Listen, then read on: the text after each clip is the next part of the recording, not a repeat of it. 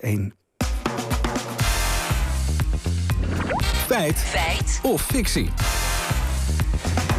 Ja, en over tv gesproken, Evelien. Jij gaat het vandaag over de sportrechten op tv hebben. Ja, want vroeger zond de NOS heel veel sport uit. En daar zei oud-NOS-presentator Twan van Peperstraten op deze zender dit over.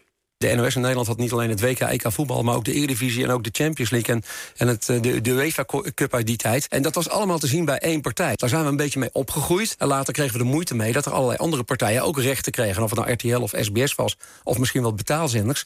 Uh, er was geen omroep in de hele wereld, zelfs commercieel publiek, die zoveel rechten had als in één land als de NOS in Nederland. In de hele wereld. Zo, Nou ja, ja, dat- ja, dat is flink. Voor wat meer duidelijkheid belde ik van Peperstraten. En hij zegt dat hij het niet over nu heeft, maar over de tijd dat de NOS bijna alles uitzond. Dus van Champions League tot de Eredivisie en van schaatsen tot de Spelen. Oké, oké. Maar ja, inderdaad, dat wereldwijd is best een gedurfde uitspraak van Ja. Van. Ja, en daarom belden we met de persoon die hier destijds over ging. Oud-NOS-directeur Jan de Jong. En we vroegen hem hoe er in het verleden met de commerciële werd gestreden om die rechten. Daar heb je kunnen tegen verweren. Niet altijd door heel veel meer geld te bieden, maar ook de serieuze omgeving, de professionele benadering, maar ook het hebben van bijvoorbeeld Johan Cruijff als analyticus. Heeft echt geholpen om een keer de Champions League bij de NOS te krijgen. Terwijl er andere partijen in Nederland waren die veel meer boden. Dus de UEFA koos destijds niet voor het grote geld van een commerciële omroep, maar voor Johan Cruijff.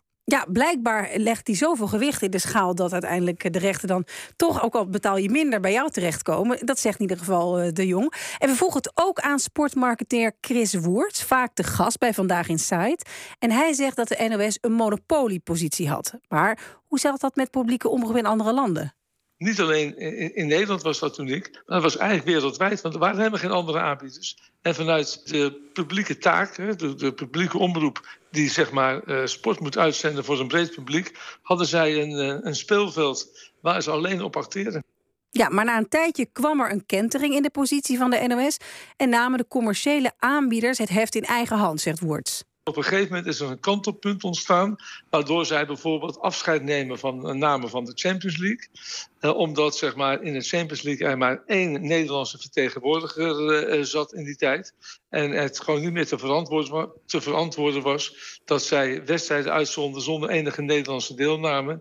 Waardoor het publieke geld eigenlijk geen doel meer had om het Nederlandse publiek eh, te vermaken.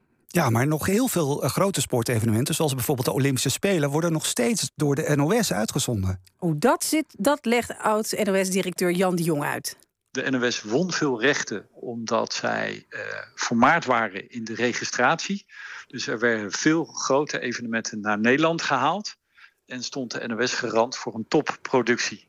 En commerciële omroepen, en dat is een hele volkomen terechte afweging, kunnen die eh, kosten niet maken. Want die kosten die moet je dragen en die kan je niet verhalen op andere partijen. Een beetje oneerlijke concurrentie dan, Ja. als ik het zo hoor. Maar goed, Twan van Peperstraten zei dat er wereldwijd geen omroep was met zoveel tv-sportrechten als de NOS in Nederland het had. Klopt dat? Dat legde ik voor aan Chris Woert.